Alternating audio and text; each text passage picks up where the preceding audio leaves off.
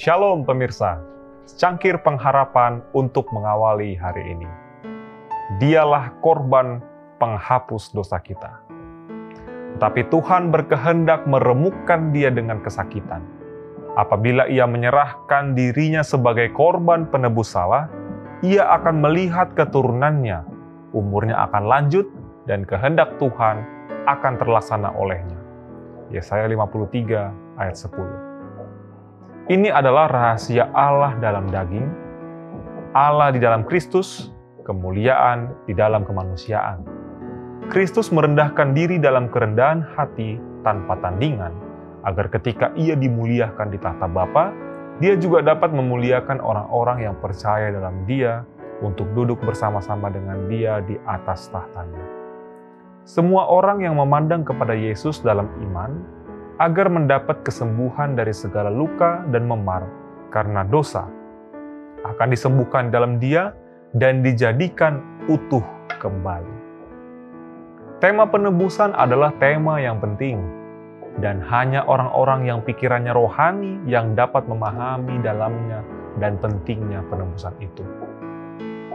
Iman dan doa sangat diperlukan kalau kita mau melihat hal-hal yang mendalam tentang Allah.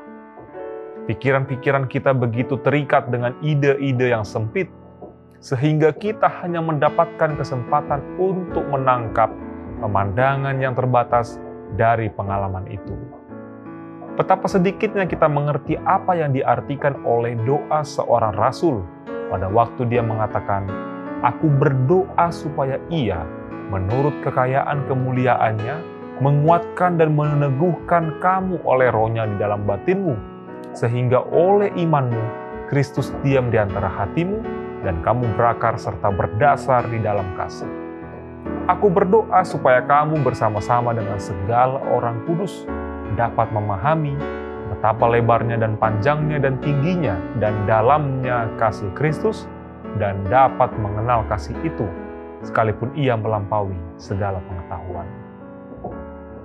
Yesus melihat umat manusia lalai mengingkari Allah, berdiri di bawah hukuman undang-undang yang dilanggar, dan Dia datang untuk membawa kelepasan, menawarkan pengampunan yang sempurna, disahkan oleh Yang Maha Kuasa di sorga.